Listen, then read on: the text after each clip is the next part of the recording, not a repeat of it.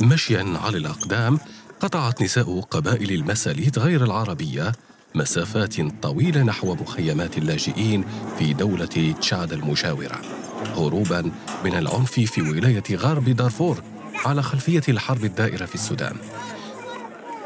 في نوفمبر الماضي التحقت أفواج جديدة من نساء هذه المجموعة العرقية إلى هذه المخيمات تحملن معهن قصصا حزينة ومأساوية عن القتل والإبادة والاعتداءات الجنسية. أنا كنت في المركز مركز بتاع نازحين. أنا يعني medical assistant كنت في المركز وأثناء شغالين بال staff كده و... وجانا دعم سريع. بعد ذاك تعرضنا للاغتصاب. صرونا لنا ثلاثة يوم والذخيرة شديد وثلاثة يوم يوم الرابع ده جونا هجوم في في البيوت. بسبب الحرب في دارفور والخرطوم وود مدني ومناطق أخرى يشهد السودان أكبر أزمة نزوح في العالم. النازحون خارج السودان وداخله يقترب عددهم من سبعة ملايين. الوضع الحالي يعيدنا إلى الأيام الأولى لهذه الحرب حيث المواجهات بين قوات الجيش السوداني وقوات الدعم السريع كانت منحصرة في الخرطوم. تلك الفترة كانت هي فترة يتحدث فيها الناس وهم داخل منازلهم بينما يستمعون إلى أصوات الرصاص من حولهم ويستمعون إلى المناوشات بين الجانبين. الآن الأمر تغير. هذا الزميل أكمل طه يتابع هذه الحرب مثل باقي السودانيين الذين يعيشون بالخارج ويتابع تدفق الأخبار والمعلومات باعتباره صحفيا في شبكة الشرق الأوسط للإرسال ام بي ان هنا في واشنطن. لدينا الآن إشكالية في راديو سوا أن نتواصل مع كثير من الجهات للحصول على المعلومة خاصة حتى وصلنا إلى أننا انقطع بيننا وبين أحد مراسلين التواصل خلال الفترة الماضية بسبب الاتصالات. إقليم دارفور على وجه الخصوص انفصل خلال أسبوع كامل. لا توجد أي اتصالات على الإطلاق لا عن طريق الإنترنت ولا عن طريق الاتصالات العادية.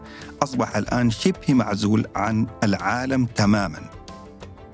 في هذا البودكاست سنحاول فهم كيف تطورت الحرب في السودان بين طرفي النزاع وكيف يعيش السودانيون في ظل استمرار العنف ولماذا وقف القتال مهم الآن لعودة الحياة إلى شكلها ما قبل الحرب. أنا عبد العالي الزهار وهذا بودكاست زوايا بسوا بودكاست. في منتصف شهر أبريل من العام الماضي اندلعت الاشتباكات المسلحة في الخرطوم ومحيطها بين طرفي هذا النزاع الجيش السوداني وقوات الدعم السريع. الاشتباكات في بدايتها خلفت عشرات الضحايا وحالة من الهلع والفوضى أربكت حياة المواطنين السودانيين. في ذلك الوقت كانت قناة الحرة قد خصصت نشرات لاستقبال مكالمات ومداخلات المواطنين السودانيين. وسوف نستقبل خلال هذه الساعة مداخلات المواطنين السودانيين ومناشداتهم على الهواء مباشرة. آه، أكمل.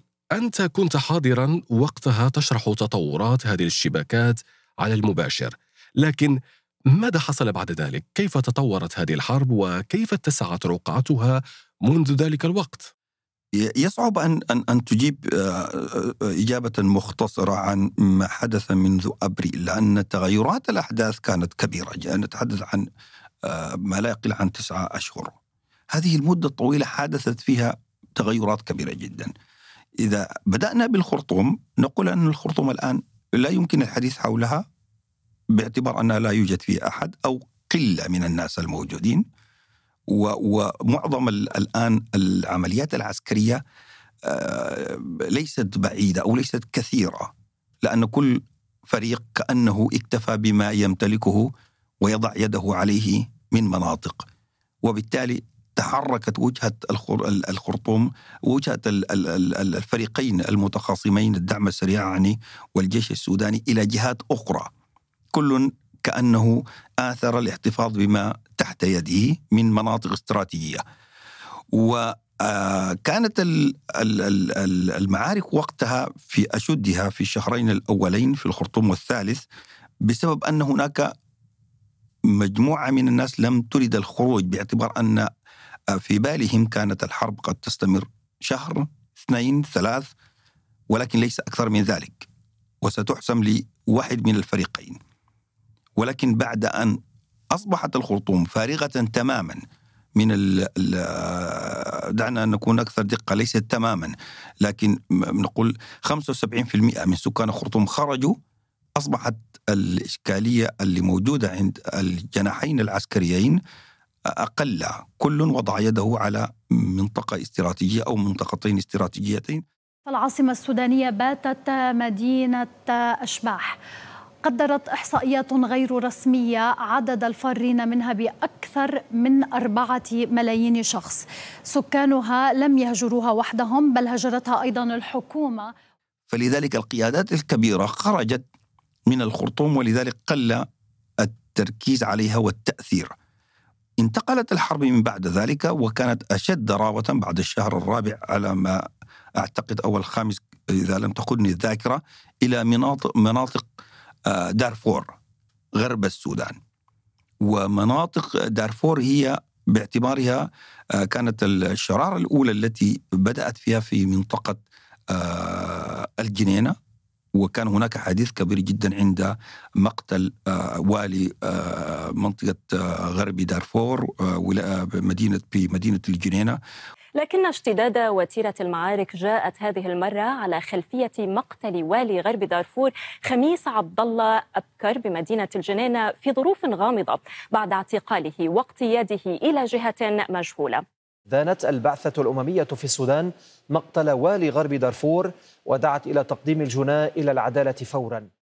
ومن بعد توالت هذه المنطقة لماذا؟ وأصبحت أكثر أهمية توالي استيلاء الدعم السريع على حاميات الجيش السوداني في إقليم دارفور وكانت أكبر حامية هي وكانت صادمة لكثير من المستمعين والمتابعين والمواطنين السودانيين هو سقوط أكبر حامية في منطقة دارفور وغرب السودان في مدينة تسمى نيالا. آه، ما تبعها أيضا من هجرة كبيرة جدا من المواطنين النازحين واللاجئين وسوء أحوال هؤلاء في آه، دولة تشاد. أدى الخروج والنزوح من منطقة نيالا ومن منطقة آه، الجنينة إلى خروج هؤلاء الناس سيرا بالأقدام وركوبا على ظهور الدواب وإلى آخره وصلوا إلى معسكر الآن في منطقة بشي في آه، دولة تشاد. في شهر ديسمبر الماضي تحولت الأنظار إلى وسط السودان حيث سيطرت قوات الدعم السريع على مدينة واد مدني في ولاية الجزيرة بعد انسحاب قوات الجيش السوداني. المدينة ظلت طيلة أشهر في منأى عن الحرب ووجهة للنازحين. هذا التطور الميداني رافقه الكثير من الأسئلة. الجدل والغموض. أكمل ما أهمية مدينة ود مدني في ولاية الجزيرة بالنسبة لطرفي هذا الصراع وأيضا بالنسبة للسودانيين عموما؟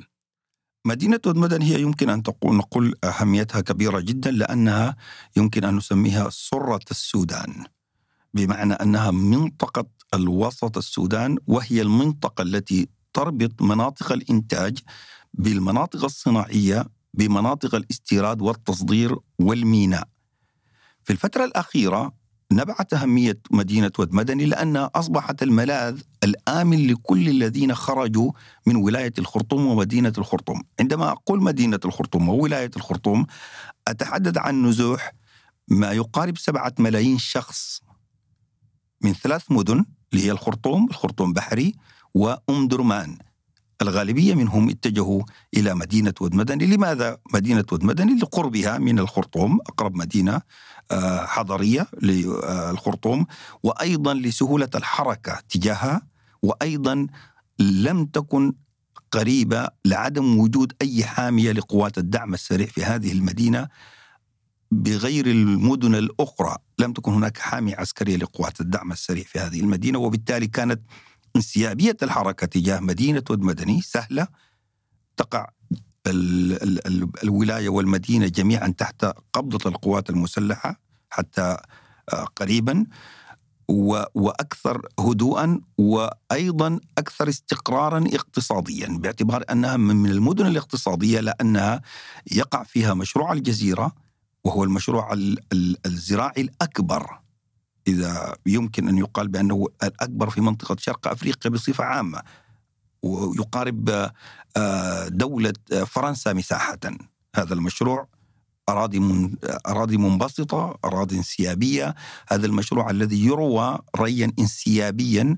لك أن أن تتخيل أن هذه المساحات في مشروع الجزيرة هي التي يزرع فيها كل المحصول والإنتاج الذي يحتاج عليه المواطن السوداني من الذرة آه، القمح.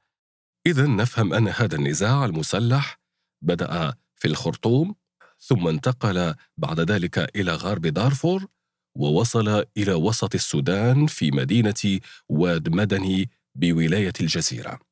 هذا بالنسبة للجانب العسكري والميداني لهذه الحرب. لكن ماذا عن الجانب الإنساني؟ هناك أكثر من 12 ألف قتيل وأكثر من سبعة ملايين نازح. أين يتواجدون أكمل وكيف هي ظروفهم في السودان؟ آه 12 ألف قتيل هذه آه ربما لم تكن هي ال ال الأرقام الحقيقية. لا تنسى أن هناك مناطق يصعب دخول فيها أي جهة من الجهات سواء كان المنظمات الدولية أو وزارة الصحة السودانية. هذه أرقام استقتها المنظمات الدولية من الأرقام التي وصلت إلى وزارة الصحة السودانية. وزارة الصحة أكدت أن هذه الأرقام لا يمكن الاعتداد بها كثيرا لسبب واحد لأن من قتل وأين قتل؟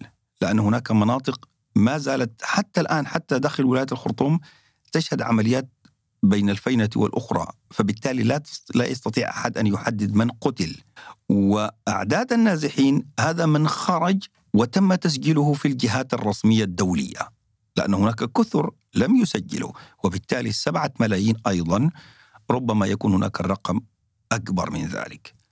هذه كلها آه، إذا نظرنا إليها كأرقام آه، نقول بأن الحديث كل المنظمات الدولية هو الآن ما يحدث في السودان هو كارثة حقيقية. بسبب هذه الحرب هناك أيضا آلاف الجرحى إضافة إلى المرضى الذين يتابعون حالاتهم الصحية. أكمل كيف هو وضع المستشفيات بعد الحرب؟ لجنة أطباء السودان المركزية أو اللجنة التمهيدية لأطباء السودان المركزية. ذكرت في آخر تقرير لها بأن حوالي 80% من القطاع الصحي في السودان خرج و80% من المستشفيات خرجت عن العمل. مستشفيات ولاية الخرطوم خرجت تماما إما بسبب التدمير آه، من آه، الغذف ما بين آه، الجانبين ما حدث في النظام الصحي والمستشفيات في ولاية الخرطوم. يمكن أن نقول بأنها خرجت تماما. ولذلك التحذيرات الأخيرة كما ذكرت لك كانت مما يحدث في ود مدني. لماذا؟ لأن الجانب الصحي يمكن أن نقول بأنه انتقل تماما من الخرطوم إلى ود مدني. فكانت هي المدينة البديلة للنظام الصحي. فبخروجها أيضا يمكن أن نقول هذه المعلومة التي ذكرتها اللجنة التمهيدية لأطباء السودان أن النظام الصحي وكما ذكرتها أيضا الأمم المتحدة أن النظام الصحي في السودان شبه منهار. بسبب الحرب النشاط الاقتصادي للعديد من السودانيين توقف ونسبة البطالة التي كان يعاني منها السودان حتى قبل الحرب تفاقمت خلال هذا النزاع. ماذا عن الموظفين الحكوميين والعمال؟ كيف يتوصلون برواتبهم في ظل هذه الظروف؟ تسعة شهور ولم يحصل أي راتب أي موظف على راتب آه، حتى اللحظة ولذلك المعاناة في الجانب الاقتصادي لا يمكن وصفها مع خروج المنظمات الدولية المانحة التي تقدم إما دعما عينيا وإما دعما ماديا وإما دعما آه، غذائيا أصبحت خارجة عليك أن أن أن أن تتخيل شكل المعاناة التي يمكن أن تنتج عن هذا الأمر. لا يوجد راتب تقدمه الدولة. الدولة منذ آه، بداية الحرب لم تقدم أي راتب إنما قدمت جزء من المرتبات إلى بعض الفئات المعلمين وإلى آخره. ولكن لم تستطيع الإيفاء ببقية المرتبات لعدم آه، وجود أي جهة آه، تقدم هذا الدعم لعدم وجود بنوك تعمل ومعظم السودانيين الآن يعتمدون إذا لم أكن مبالغا على ما يقدمه لهم أقرباؤهم من خارج السودان أكمل ماذا حدث لحركة التجارة لتوفير السلع سواء من الداخل أو من خلال عملية الاستيراد؟ كيف أثرت هذه الحرب على توفير حاجيات السودانيين؟ ليس لا السودان ليس لا يعتمد كثيرا على المأكل والمشرب من المستورد والمصدر.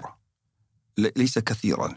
ولكن الإشكالية أن مفاقمة الأزمة وقلة النقد المالي أدى إلى أن يدخل أيضا التجار في هذا الجانب وبالتالي أدى إلى جشع. كلما كانت هناك أزمة معروف في العالم كلما ظهر الذين يتكسبون من خلال هذه الأزمات وهذا ما حدث فعلا في السودان. أن الناس رفعوا آه الأسعار بصورة مبالغة ولكن المواطن ليس لديه شيء في يده إلا أن يستجيب فبالتالي يشتري ويأكل لأنه ليس لديه خيار في هذا الأمر. في سبتمبر الماضي عادت حركة النقل الجوي في السودان بعد أشهر من التوقف. وقد وصلت طائرة طائرة تتبع لشركة مصر للطيران إلى مطار بورت السودان قادمة من القاهرة وعلى متنها نحو 100 راكب. مطار بورت سودان شرق البلاد هو المنفذ الجوي الوحيد في السودان إضافة إلى المنافذ البرية باتجاه مصر وإثيوبيا وإريتريا لكن ماذا عن التنقل داخليا؟ هل ممكن مثلا أن ينتقل مواطن سوداني من الخرطوم باتجاه وسط السودان في مدينة ود مدني أو شرقا باتجاه بورت سودان بدون مشاكل؟ ليست هناك مشكلة. ناس تنتقل عادي. البترول متوفر وهناك نقاط تسمى نقاط الارتكاز. ما بين كل ولاية وأخرى قد تجد الجانب الذي يسيطر عليه من خلال هذه الحركة في الشوارع البرية. تعرف من يسيطر على من على أي المناطق.